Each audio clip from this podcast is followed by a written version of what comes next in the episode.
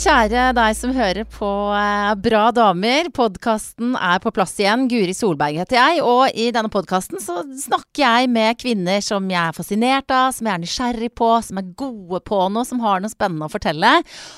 Og dagens gjest, hun kommer for de fleste, men jeg må i hvert fall bare snakke for meg sjøl, med en sånn eh, gåsehudgaranti. For hva, hver gang hun synger, så får jeg en sånn eh, et slags dypt sug i magen og gåsehud. Men nå skal vi bare prate, altså, så vi, vi får se hva slags følelser jeg får nå. Ja. Vokalist og låtskriver i High As A Kite, Ingrid Helene Håvik. Velkommen Hei, hit. hei. Bruker du begge navnene dine, forresten? Nei, jeg sier bare Ingrid. Ja, så det er Ja. Ingrid som er på plass her i dag. Ja, det Ja. er Ingrid. Ja. Du, eh, du, du smiler litt sånn beskjedent når jeg sier sånn gåsehudgaranti. Men hvor vant er du til sånn at folk kommer til deg og snakker om hva de føler når de hører deg synge? Eh, nei, det blir jeg aldri vant til. Det har jo skjedd noen ganger, men jeg blir aldri vant til det, for at det er Jeg vet ikke hva de har lyst til å høre tilbake igjen. Jeg har ikke lyst til å gi en god respons, og så eh, har jeg bare ikke knekt den koden. Hva, hva, hva vil du ha tilbake igjen nå? Ja, nettopp. Ja, hva, Det er et godt spørsmål, for det er jo et litt sånn avansert kompliment Ja. når, for, når noen snakker om følelsene sine sånn kanskje første gang du møter dem. Ja. Mm. Og så tror ikke jeg folk helt skjønner det at uh, deres opplevelse av uh, låtene mine er jo på en måte deres egen. Mm. Det har egentlig ikke noe med meg å gjøre. Altså, jeg har på en måte ikke gått bevisst inn for å vekke de følelsene, på en måte. Det er jo bare noe som som de sjøl kan stå for, på en måte, eller må slite med. Ja. Det ja, jeg, har ikke noe forhold til det. Men hva er det folk sier til deg da, når, når de kommer sånn som, som jeg gjorde nå? Nei, nå er det lenge siden jeg har fått noe kompliment. Nå det Nå begynner det å røyne på. Uh, nei det, det, er jo sånne ting som at eh, Det kan være, være ganske forskjellig. At noen på en måte tror at de tar skikkelig i med å si at ja, vi er deres ant mest favorittband. Den er jo litt rar. Uh, eller så kan det være liksom sånn der du hjalp meg gjennom det og det og det og det også. Jeg syns det er veldig vanskelig å forholde seg til. For det, uh, det, det, det Jeg har på en måte ikke tenkt så langt når jeg lager musikken, på en måte, så det kommer på en måte bare sånn langt ute der et sted, da, der jeg ikke har rukket å tenke. Mm. Mm. Det er jo en bør å bære, og andres uh, følelser plutselig på seg. Men Ja. samtidig så tenker jeg, med den intensiteten da, som eh, låtene du skriver har, og ikke minst måten du fremfører dem på, eh, så kjennes det ut som det ligger mye av dine følelser i det òg, da. Ja, det ligger masse av mine følelser i det. Og dette her, dette her henger kanskje ikke på greip helt, men jeg har jo skrevet det for min egen del, på en måte. Mm. Og så uh, Men det har ikke noen noe med, føler jeg. Nei. Så det er deres sin opplevelse som de skal ha for seg sjøl, og så er dette her mitt som Og hva, hva dette her handler om, det er mitt. Og Ja. hva det handler om for det, det er ditt. Og dette her er jo en sånn eh, diskusjon som ofte kommer opp når det handler om eh, ja, både film og TV, litteratur, musikk. Altså man spør hvor selvbiografisk er det når du Ja. skriver dette? Ja. Hva det du har opplevd der? Um, men som du sier, du opplever det som veldig privat. Hvordan reagerer du? Altså Hvis jeg nå hadde tatt en av sangtekstene dine, da kom jeg ikke på akkurat hvilken det skulle være, og sagt hva er, det, hva er det dette handler om? Hvordan hadde du respondert da? Eh, nei, det, det er det jeg prøver å finne ut av, hva jeg skal si. Fordi uh, det er privat, og jeg opplever det som litt invaderende. Ja. Fordi at jeg har jo sittet alene og skrevet det her og på en måte prøvd å ikke ha hatt noe filter, uh, men samtidig ha såpass mye filter at ingen skal tilegne det for mye til meg, på en måte, for det skal ikke være mitt for lytteren. Mm. Eh, så, men jeg syns det er en veldig sånn Man gjør ikke det samme med andre type ting med forfattere og med regissører og sånne ting. Man tilegner ikke den historien nødvendigvis til den personen. Nei, det gjør man kanskje, med mindre det er sånn type sånn eh, Knausgård, da, og det er selvbiografisk. Ja, da tilegner man det til han. ja. Man gjør jo ikke det Nei, man gjør det veldig mye med eh, vokalisten, da. Men jeg tenker sånn eh, veldig nysgjerrig på det å kunne skrive låter som du gjør, og du sier du liksom prøver å være uten filter. Hvor, eh, hvor terapeutisk er det egentlig, det, den låtskriverprosessen? Jeg vil si at det er svært terapeutisk for meg. Uh, i, I de periodene det akkurat treffer. På en måte i den perioden der jeg faktisk trenger det, men også faktisk har tid og overskudd og lyst til å skrive. Så syns jeg det er veldig terapeutisk på et eller annet vis. Mm. Jeg føler at jeg um, Jeg lagrer minnet, på en måte. Jeg lagrer um, Sånn føltes det ut, og sånn Ja, dette her i den perioden og den kvelden og dette her. Jeg husker liksom tid og sted for alle låtene, da. Uh, så ja, det kan være veldig terapeutisk. Og så noen ganger så blir man på en måte kanskje litt sånn Føler at å, nå burde jeg jobbe, nå må jeg skrive, liksom. Og da kan det på en måte bare litt mer sånn jobbfølelse over det, da. Ja. Mm. Hvor mye har du av sånn ritualer eller sånne ting som du må ha rundt skrivinga di? Hvordan må du liksom ha lyset på eller av døra igjen, teen med deg? Altså, har du noen sånne faste rutiner? Nei, jeg må ha kaffe, ja. og så er det klart. Ja. Kaffe, piano og en Mac. Mm. Så er det ferdig. Jeg hadde ikke noen rutine å fortelle om her. Men du, det er jo Nå har du jo Du er vel ikke i en sånn låtskriverprosess nå? Nå er det sånn at du er litt sånn uh, jeg vet ikke hva man skal kalle det, i ventemodus. Det er, det, dere slipper nye låter, og så kommer det ganske snart et helt fullt nytt album. Ja. Um, hvordan kjennes det nå? Nå er jeg, Vi driver jo og jobber bare med sånn uh, uh, live-greier nå, så vi driver og preprodder masse. Så det er egentlig der fokuset mitt er. Ja. Og så kommer det det at Å, nå kommer plata snart som et sånn lite stikk i magen. Uh, når jeg blir minnet på det. Ja. Så uh, ja, jeg gruer meg jeg, jeg, liker å liksom slippe plater og sånn, men jeg gruer meg til de dagene der man slipper, når det kommer liksom anmeldelser eller Ja, eller jeg vet ikke, oppmerksomhet man på en måte ikke helt har bedt om, da. Ja. Så ja, jeg syns det er ganske det, det, er noen tøffe uker, akkurat det. Mm. Og så går det over, og så har man glemt det. Ja, og når du sier som man ikke akkurat har bedt om, altså sånn ja, ting som dette eller og intervjuer og presse, er det det du mener? Ja. Mm. Liksom uh, når, når, man er i avisa uten å ha blitt intervjua, f.eks., det er jo på en måte oppmerksomhet man ikke har bedt om, eller når folk på en måte legger ut et eller annet sånn innlegg på sosiale medier om, om ting også. Jeg, ja, jeg har, ikke, jeg har ikke bedt om det her. Nei. Jeg vil ikke være her. Men samtidig så er jo det eh, et tegn på at det går eh, bra med dere, da. Mm. Mm. Ja, det er jo den eneste trøsta. at, at, dette her betyr jo at folk vet hvem man er, da. Og at folk hører på musikken, eller i hvert fall har en eller annen sånn slags uh, forhold til det. Mm. Og det er jo bra. Ja. ja. Du, eh, hvordan nå, utover det at nå driver dere med preproduksjon og forbereder dere på å spille konserter litt i utlandet, men mest rundt omkring i hele Norge. Skal, dere skal i Spektrum, sant? Mm. Ja, så det er liksom svære planer ahead. Men bortsett fra akkurat det, hvordan, er, hvordan ser livet ditt ut eh, akkurat nå? Så hvordan er hverdagen da? Eh, akkurat sånn midt, i, midt, i, en sånn eh, flytteprosess, så eh, jeg bor i et skikkelig rotete hus. Uh, og skal snart flytte til et som forhåpentligvis ikke blir så rotete. Uh, så det tar veldig mye av fokus, bortsett fra jobben. da. Og så babyen min, som jeg går rundt med stort sett hele tida. Mm. Uh, som er liksom sånn åtte-ti måneder? Ja, hun er åtte måneder. Ja. Mm. Det er veldig gøy alder. Nå begynner han å krabbe rundt og reise seg opp og si litt mamma og pappa. Og det begynner å bli folk, da. Jeg har vært folk før, da, men det har vært liksom litt veldig baby, da, på en måte, ja. fram til nå. Hvordan, hvordan, var det å bli mamma i forhold til hva du hadde forventa deg? Eh, nei, eh, det kan ikke jeg huske. Jeg husker nesten ingenting av før jeg hadde barn, på en måte, av hva man tenkte om det da. For at nå er det på en måte bare sånn delt opp livet sånn mm, mm, På en måte nå, nå er jeg mamma, på en ja. måte.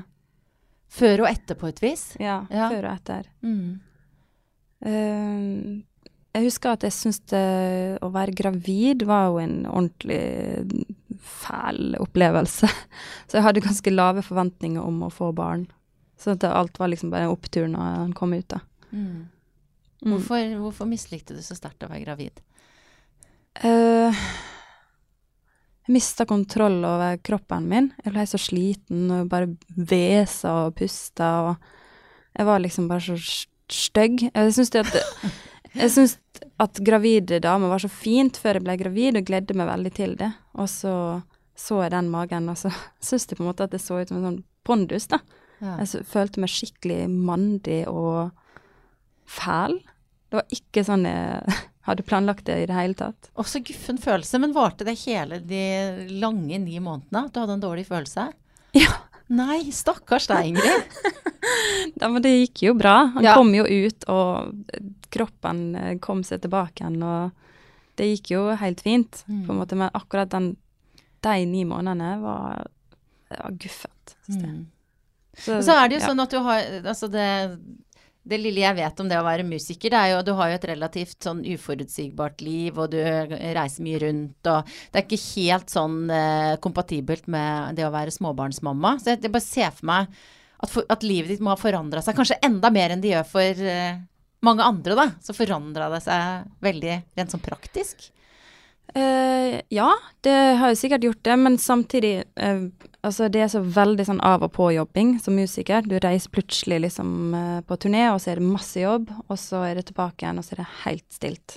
Mm. Sånn da får man den perioden med å bare være hjemme med familie og, og føle seg egentlig litt sånn arbeidsløs, da. Sånn at uh, det Ja. Jeg, nei, egentlig så har ikke det forandra seg. Jeg tror nok det forandra seg mindre hos meg. Ja. Fordi at det har jo på en måte vært så mye hjemme på hverdager uansett. Mm. Nå som, eh, nå som sønnen din begynner å krabbe og eh, si mamma og pappa og sånt, så begynner liksom den her eh, oppdragerjobben, da, eller hva man skal kalle det. Ja. Hva, hva er det du hva er det som er viktig for deg eh, når du skal være mamma nå? Skal lage et ordentlig menneske. Jeg vet ikke. Det har jeg ikke tenkt så langt. Jeg burde vel begynne å tenke på det.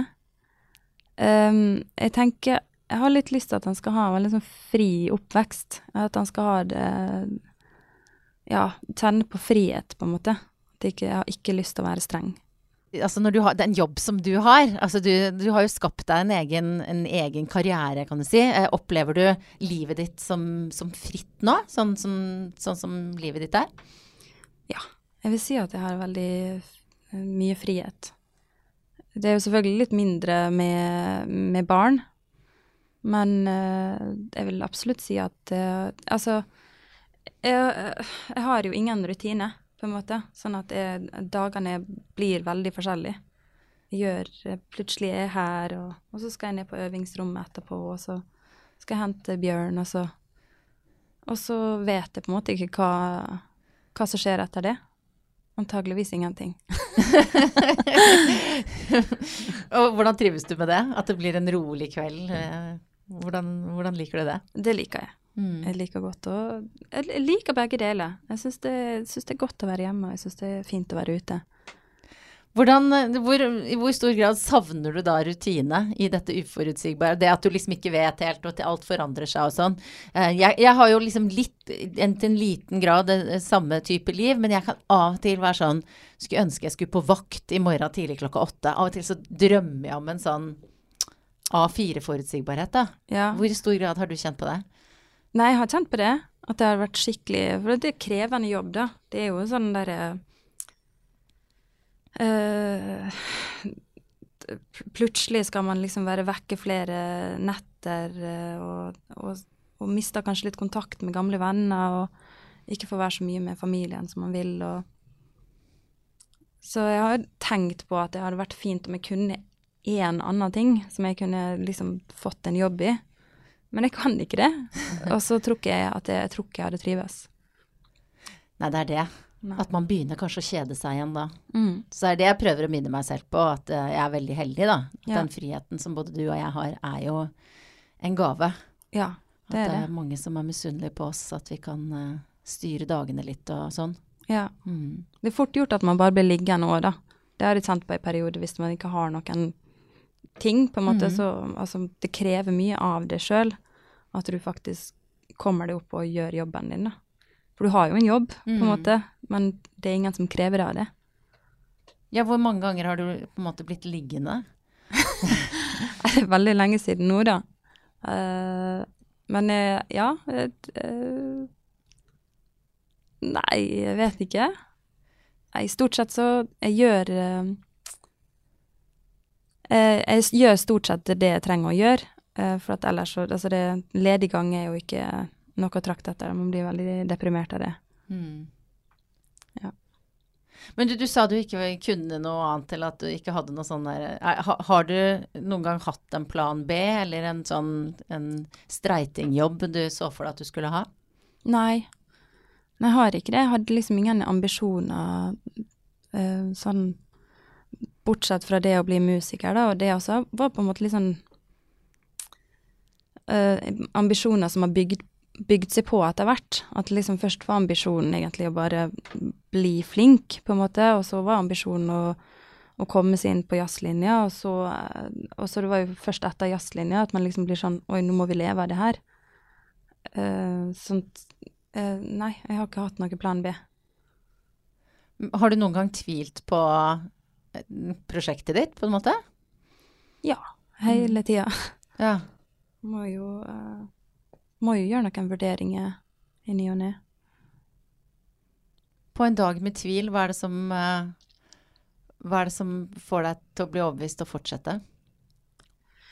Um, jeg ringer mye til Trond Mm. og spør om han syns at jeg er flink. Det trenger jeg ofte å høre. At det, det går jo mest i det, da, at jeg føler at jeg ikke liksom jeg kan noe, at jeg ikke lager noen bra ting, at eh,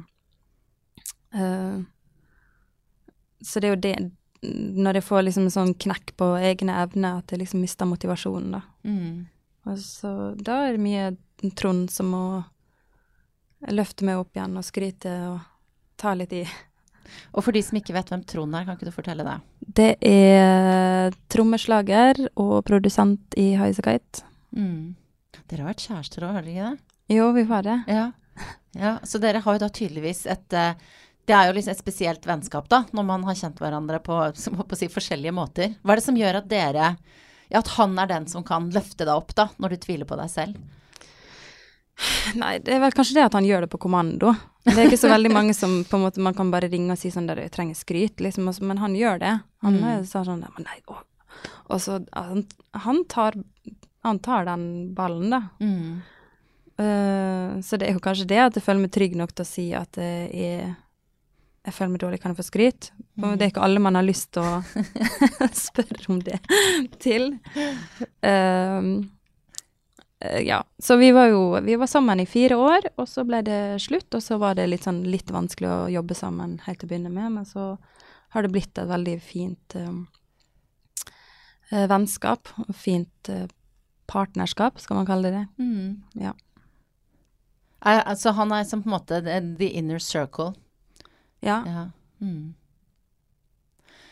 Det er jo sånn at eh, nå er det vel eh, dere som er eh, High as a Kite, eh, du og Trond. Og så tidligere så var dere en eh, kvintett, er det ikke det det heter? Når Man Ja, er fem stykker. Ja. Eh, eh, og så de som har lest avisene og følger med, har fått med seg at det er litt sånn trouble der, fordi at du har tatt Nå må jeg se om jeg får det riktig, da. Du har tatt, fått rettighetene til navnet High as a Kite. Dette her har dine tidligere bandkolleger anka, eller hva nå den rette termen er. Og det er en sånn pågående tvist der, så det er ikke helt landa hvem som har rett og hvem som har feil. Eh, men hvordan Ikke sant, du snakka litt om det der med å ja, være, altså at det å være i avisene og uh, den type ting ikke er din favorittbit av jobben din. Mm. Hvordan opplever du den, det som har pågått nå siden denne konflikten her ble kjent?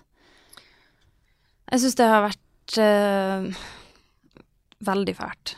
Det har ikke vært noe gøy i det hele tatt. Og jeg eh, har ikke trivdes veldig godt med å være i avisa, og at den på en måte den tvisten har blitt så offentlig. Og at den har blitt så personlig som den har blitt. Eh, det skulle jeg veldig gjerne ønske at vi bare på en måte kunne tatt oss imellom, da, og at eh, vi hadde sluppet å liksom ha det ute i VG igjen og igjen og igjen.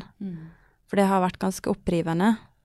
Eh, og jeg var jo gravid og nybakt mamma under det hele, på en måte. sånn at jeg, skulle veldig gjerne ha hatt den tida litt mer fredfull, egentlig. Og det er jo også en tid hvor uh, I hvert fall husker jeg det, hvor alle liksom, følelser er sånn ti ganger så sterke som de vanligvis er. Hvordan var det for deg? Um, nei, det vet jeg ikke, for jeg har på en måte aldri opplevd det før, så jeg vet ikke hvordan jeg reagerte om jeg ikke var gravid. Men det var jo, ja, som sagt, en forferdelig opplevelse. Og så er det jo litt når sånne ting skjer, eh, selvfølgelig verre når det skjer i offentligheten, men sånn, sånn sett utenifra, da, så har- får jeg litt sånn assosiasjon til sånn arveoppgjør. Sånn når folk egentlig er gode venner eller søsken og sånn, og så skjer det et eller annet som gjør at man likevel blir uvenner eller får en, et eller annet problem seg imellom. Eh, Det må jo være ganske sårt, da. Hvis, eller jeg vet ikke, er dere, er dere uvenner nå, liksom? Du og de tre andre som ikke lenger er med i bandet? Eh, nei, det, det vil ikke si, men vi har jo ikke noe kontakt akkurat nå, da. Mm. Men det kan jo forandre seg med tida. Det er jo det er mange ting som kan gjøre det. Men uh, det var jo ikke av krangling at vi valgte å forandre besetninga. Det var jo på en måte Kranglinga kom jo uh, Eller det var ikke noe krangling. altså det, Den juridiske uenigheten kom jo veldig lenge etter det bruddet. Mm. som handla jo egentlig bare om hvem har rett på hva, på en måte. Ja. Sånn det, det er ikke noe sånn krangling som, som gjorde at det her skjedde. Det skjedde, og så er man uenig om hvem som har rett på Mm. Eh, er ikke det, dette er liksom første turneen du nå skal i gang med, med liksom den nye gjengen. Ja. Eh, hvordan føles det? Det er utrolig gøy. Er det lov å si det? Kan jeg få lov å si at du faktisk Ja, har det skikkelig bra? det. Ja, for det er jo på en måte litt sånn Det var jo en veldig lei sak, det der, men nå har vi på en måte jobba med de folka vi jobba med i over et år, og jeg, trives jo, på en måte, og jeg syns at det samarbeidet fungerer veldig bra.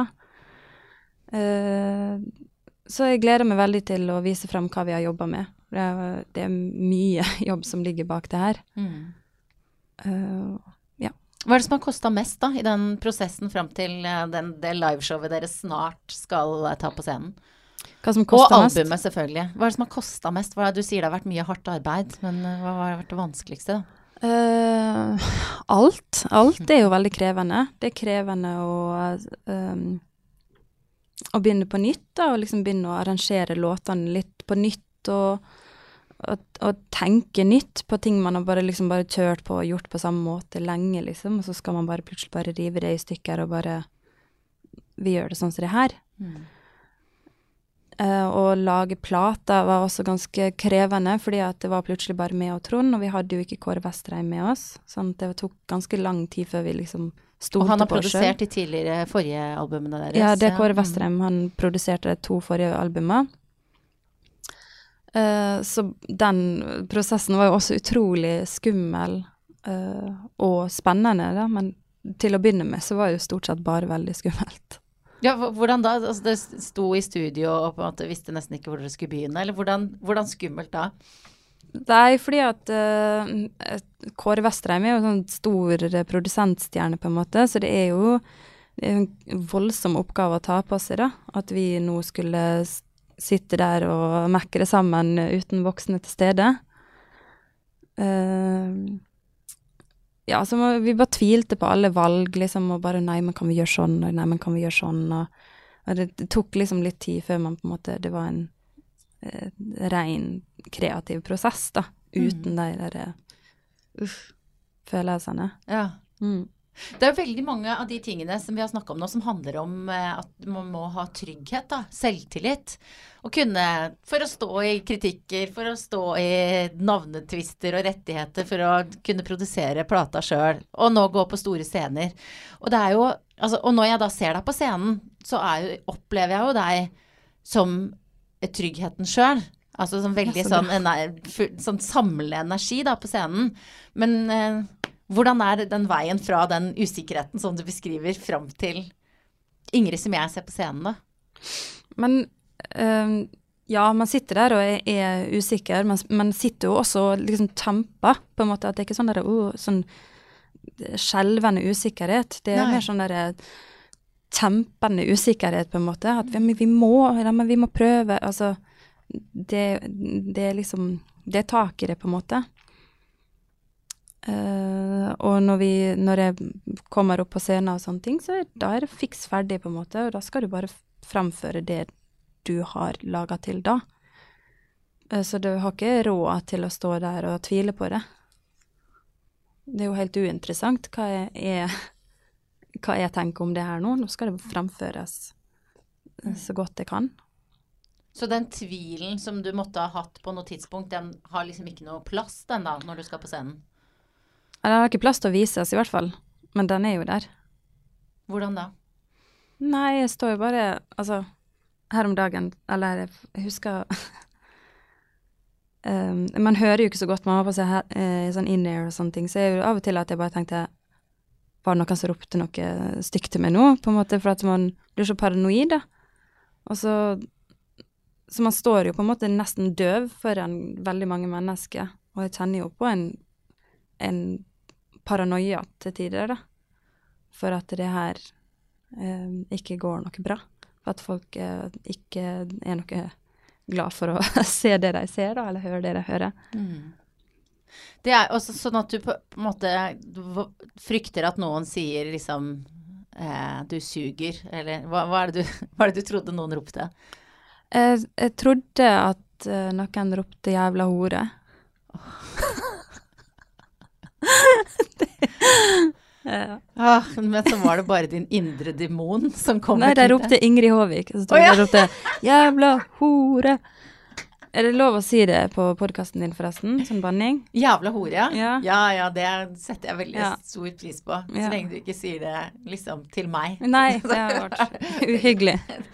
Men, men uh, oi, oi, oi. Ja, ja. For en, for en følelse. Ja, det var ikke noe hyggelig. Nei. For det var sånn kjent og liksom sånn derre Ingrid Håvik, Ingrid Håvik. Så jeg tror Jævla hore. Jeg det Jeg bare Jeg måtte ta ut og bare Så jeg fikk jo det avkrefta ganske fort, da. Ja. Men ja. Det sier jo noe om at det er noen følelser i spill, da, og, og når du står der og skal prestere. Uh -huh. Det er absolutt uh, Altså, når jeg går av scenen, på en måte er det jo først da man kanskje merker at man liksom har vært liksom Brukt sykt mye hjernekapasitet, for da er det liksom bare helt sånn Helt tomt, da. Mm. Og plutselig går tankene fryktelig treigt, og man er liksom helt uh, Helt fjern, på en måte. Man har liksom vært gjennom en sånn der reise psykologisk, på en måte. Gjennom en hel konsert. Men hvordan er du da etterpå, eh, etter en konsert? Hva slags, eh, hva slags følelser har du da? Nei, da, da er jeg ganske tom. Ganske følelsestom og, og bare må summe meg igjen før jeg på en måte får noen følelser for det som nettopp har vært, da. Uh, ja. I større og mindre grad. Det spørs jo litt på mm, hvor krevende den konserten var. Noen ganger så er det sånn, ja, men det gikk jo bra, og så um, da har det kanskje ikke vært liksom en og en halv times konsert, da. Da er man liksom Eller da er jeg ganske fjern. Hva er det verste noen kan si til deg, sånn rett etter at du går av, gått av scenen? Nei Nei, jeg, tror- jeg tror uansett ikke at jeg treffer noe akkurat eh, når jeg kommer av. Går du for deg selv da, eller hva? Nei, jeg, jeg setter meg ned på backstage med de andre, og så jeg tror, jeg tror ikke jeg er den eneste som trenger å summe meg litt. Nei. Uh, de, det er ikke så mange som blir sånn der yeah etterpå, på en måte. De aller fleste blir litt sånn der ja, ja gikk, gikk, jeg tror det gikk bra. Og så etter hvert så kan man begynne å snakke om liksom hvordan var det her. Mm. Fordi det Jeg vet ikke. Det er helt sånn omtåka, på en måte. Ja, og jeg kan skjønne veldig godt den følelsen du beskriver. Eh, det er nok litt sånn Det å ha en direktesending er en sånn light-utgave av det du beskriver der, da. Og jeg, Ja. jeg bare husker kommentarer som sånn Rett etter at jeg er ferdig sånn Ja, Hvordan syns du selv det gikk? det, så da, altså, det, jeg bare vet at jeg er i hvert fall veldig sånn ja, nettopp fordi at man har ikke orientert seg om det gikk til helvete, eller om det gikk dritbra. Ja. Så man tolker liksom alt. Ja. Å ja, shit, shit, shit, shit, det gikk så dårlig, ja. Akkurat, ja. Eller ja, ja. Da var du ferdig. ja. Var jeg ferdig? Hva mener du? Ah! Hva svarer du, da? Nei, jeg blir bare går inn i meg selv litt sånn som deg. Og så, men jeg blir veldig sånn Sånn som når du ringer din Trond. Ja. At da blir jeg liksom sånn at jeg eh, blir veldig sugen på tilbakemelding fra folk som jeg stoler på, da. For Ja. jeg må liksom ta en sånn lakmustest på om jeg har driti meg ut. Ja. Eller om Fordi at man det, Og det er vel kanskje litt det du beskriver, at du vet liksom ikke helt. Nei. Et, når du er ferdig, så kan du liksom Ok, jeg falt ikke, eller du da, du traff tonen, eller du Liksom de helt sånn konkrete tingene kan man liksom regne opp og vite har gått greit. Men Ja. man mister liksom eh, følelsen av hvordan det egentlig har gått. Ja, ja. Det, men det, det kommer jo vel etter hvert. eh, Ja, ja for meg gjør det også det. At Ja. man får jo en sånn slags Stort sett, da. Ja. Av og til er jeg i tvil, som deg. det var Hva er det jeg driver med? Ja, men da, da lener jeg meg litt på det. Hvis folk sier det gikk bra, så gikk det vel bra, da. Jeg gidder ikke å ta noen stilling til det. Det er jo på en måte gjort, på en måte, og så tar man stilling til det når man driver og jobber med det, kanskje heller. Mm. For at eh, jeg trenger ikke å gjøre en vurdering hver gang, tenker jeg. Nei. Nei, i hvert fall ikke hvis du spiller hver kveld. Og, eller det gjør du kanskje ikke, men i hvert fall altså Du må på en måte ha en sånn grunnfølelse av at du veit hva du holder på med, da. Ja, det er sånn Men det er ikke så nøye, føl- eller i hvert fall hvis man har liksom spilt ganske mange konserter. Altså det er så nøye akkurat idet man står, står der, og så etterpå så er det litt sånn Ja, men da det, jeg, jeg har jo brent liksom på scenen for at det skal bli bra, og det ble ikke bra, så ja ja. Da måtte jeg få prøve igjen i morgen. Jeg, får, jeg har mer enn nok av eh, nye muligheter, liksom.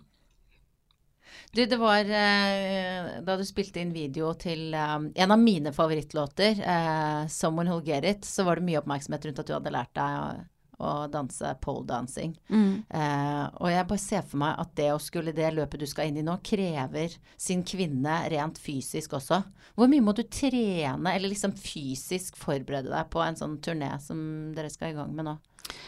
Og jeg har ikke trent på lenge. Jeg, jeg burde absolutt ha gjort det, for det krever fryktelig mye. Bare sånn av pusten, da, at man Ja. har en ok uh, kondis. Det, det må jeg ta og så få i orden før vi reiser ut. Det var ikke meningen at dette spørsmålet skulle gi deg dårlig treningssamvittighet, altså. Åh, jeg, jeg har så dårlig treningssamvittighet. Men eh, jeg tror at med en gang vi får flytta, så bor vi rett ved siden av treningssenter. Oh, ja. Så håper jeg at det skal liksom For nå bor vi på Nordstrand, så det er ganske heftig å komme seg til treningssenter og sånn. Så jeg håper jeg skal få orden på det. ja. For det, eh, jeg trente jo fryktelig mye eh, eh, til det forrige albumet, og spesielt til Camp Echo, liksom, så jogga jeg langt og liksom var sånn, hørte på Beyoncé og liksom var så dedikert da, til å være i toppform, på en måte. Og det, det er veldig, veldig, veldig mye lettere å spille konsert når man er i den formen. Mm. Mm. Beyoncé, altså. Hva er, er hun litt sånn uh, inspirasjon? Nei, men hun har den der Formation-låta. Den er mm. veldig eh, Jeg mista, liksom. Og så Ja, blir man liksom Ja. Det er veldig motiverende. Ja, ja, ja. Men, hvem, men er hun um, hun kan motivere deg til en god joggetur, og, og, men hvem er det som er på en måte dine sånn der spirit animals, eller uh, forkvinner, når du ser på jobben du holder på med, musikken? Jeg har ingen. Altså, jeg har noen, noen plater jeg liker veldig godt, og musikk jeg liker veldig godt, men jeg har ingen Jeg har ingen forbilde, sånn uh, musikalske På samme måte som jeg hadde før, da, for da var det liksom sånn at jeg Å, jeg vil være sånn som henne, jeg vil se ut sånn som henne, jeg vil synge sånn som henne. Altså, men jeg har ingen uh, sånne ting lenger, da. Jeg Når får ikke det kicket. Uh, nei, jeg vet ikke. Lenge siden. Jeg tror jeg, jeg hadde det sånn på Jeg tror jeg slutta når jeg gikk på jazzlinja. Da var jeg liksom Jeg så så veldig opp til liksom de som var eldre enn meg, og så plutselig var jo jeg eldre, på en måte. Mm. Og da Jeg vet ikke, det hadde, det hadde ikke den mystikken rundt seg, da. Som gjorde at jeg liksom ble er sånn fascinert på, den, på samme måte, da. Hvem var ditt siste forbilde, da? Når du sier 'ville se ut som de og være', hvem var det eh, da du var yngre? Um, nei, hvem var det, da? um, jeg var veldig opptatt av PJ Harvey en periode. Oh, ja. det, er jo en, eh, det er jo en klisjé, da. Jeg tror det var den der Let England Shake-plata. Mm. Det var liksom den siste sånn um, Ja. Og så, ja, egentlig. Men jeg vil ikke si det. For jeg vil ikke at folk skal se at jeg har herma. Å nei, ja. Oi, det er litt det, ja. Ja, Ja, Men har du det? jeg har herma masse. Men jeg vil ikke si hvem, eh, hvem det er. For da ser folk det. Nå ble jeg nysgjerrig, men du skal få ha dine Jeg kan si det etterpå. Ja. Å, Ja. Og jeg kan ikke si det videre. Ah, jeg lover å holde det hemmelig. Men uh, PJ Harvey, jeg, hun så jeg på en klubb i Frankrike på tidlig 90-tallet. Ja. Gjorde du det? Ja, du har sett henne live? Ja, flere ganger. det har jo faktisk jeg òg. ja. kan, men uh, det er jo veldig stor stas, da. mm. Og sånn er det jo sikkert mange som har det med deg nå, Ingrid. Tenk, tenker du noe på det? Nei, Mm. tenker ikke på det. Jeg kan ikke eh, det, Jeg tror ikke. Jeg tror ikke at noen gjør det. Altså du, av, du, du tror ikke på meg, eller liksom bare avviser Du avviser premisset? Du tror ikke Tror ikke det er noe som er det? Nei, det, det jeg, jeg kan ikke forestille meg at det er reelt.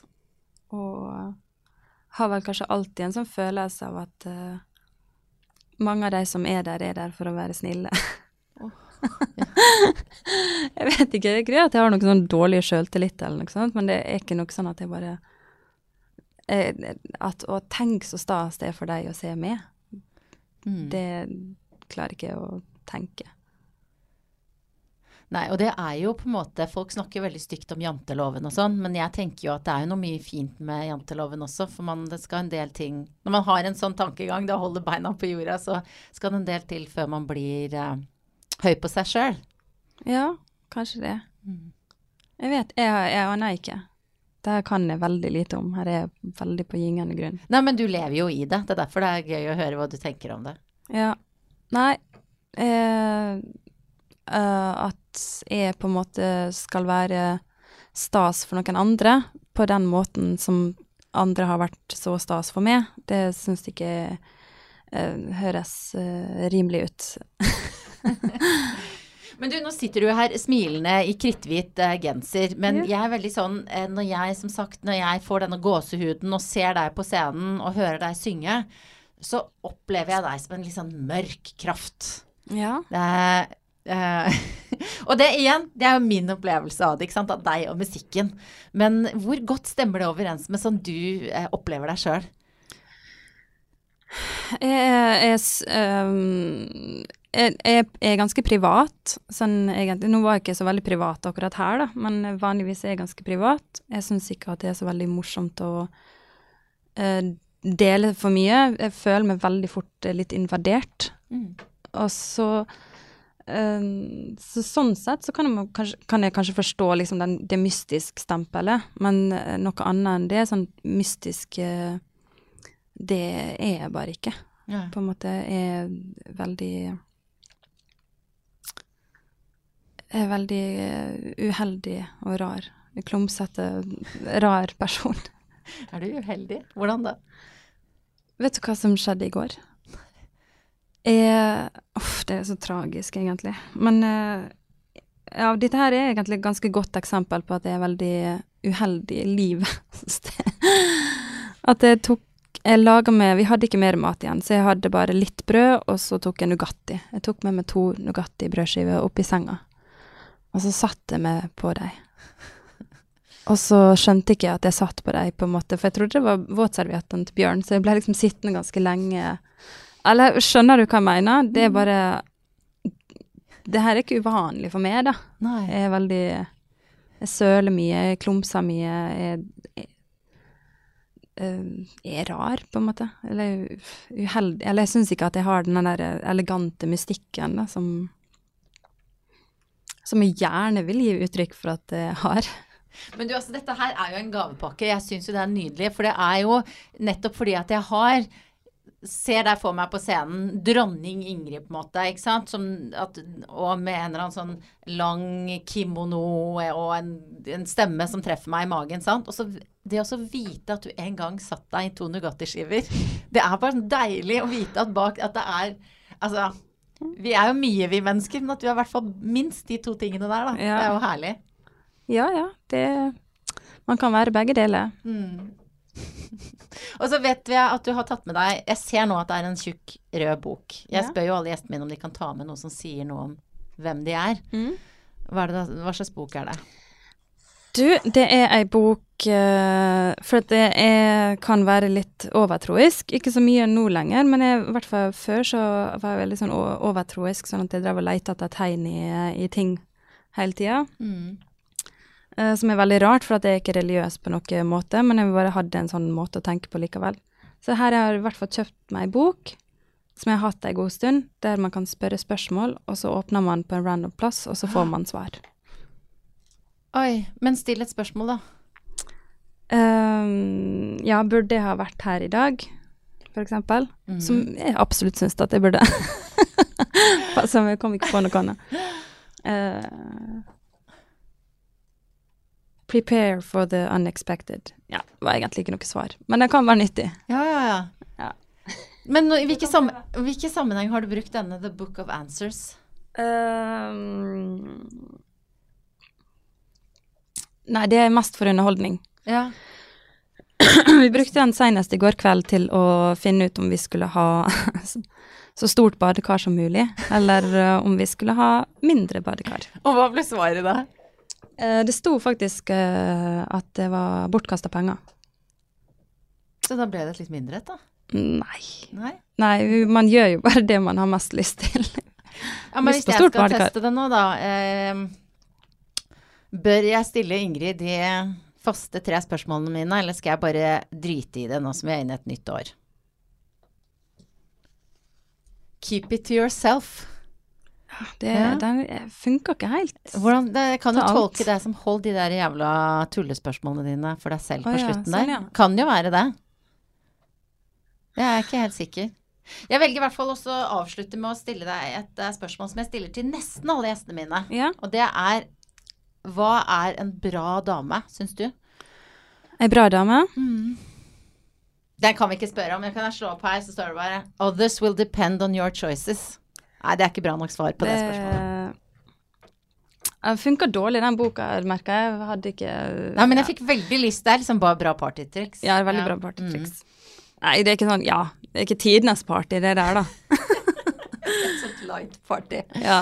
Eh, ei bra dame, det er ei snill dame, Mm. egentlig. Det syns jeg er viktigst. Um, ja, og da kan jo alt annet være Jeg hørte det var, litt sånn naivt det her, men uh, da kan jo alt annet være det samme. Mm. Hvis man oppfører seg bra. Og hvis man er snill, Ja. god, Mm. eller uh, i hvert fall mm, har gode intensjoner. Mm. Det er jo et godt menneske, da. Ja, så det var ikke så veldig hva, man, hva bruker folk å si? Bruker folk å si sånn der Ja, det er noen som har ambisjoner og Folk sier veldig mye forskjellig, men jeg syns at eh, det å være snill Det er ikke noe sånn det høres ut som jeg skal evaluere svaret ditt. Ja, få høre. Nei, jeg, jeg, skal, jeg skal bare si at uh, det er jo det viktigste. Ja. Vær snill. ja. Altså ikke til de selvutslettende, men det er jo ikke det du mener heller. Nei, det er ikke det jeg mener, men jeg bare tenker at, uh, at eh, jeg, hadde, jeg hadde ikke så veldig lyst til å stille krav til eh, noen. Mm. Hvorfor Til, ikke det? Nei, fordi nei, uff, det, er så mange, det er så mange krav. Mm. Det var liksom Det holder, eh, det holder å være grei, Mm. syns det. Det syns jeg ble en fin avslutning. Tusen takk for at du kom. Takk for at jeg fikk komme. Det her var hyggelig, syns jeg. Og så må du ha lykke til med flytting, Takk. plate, turné, også de andre greiene. Håper alt ordner seg.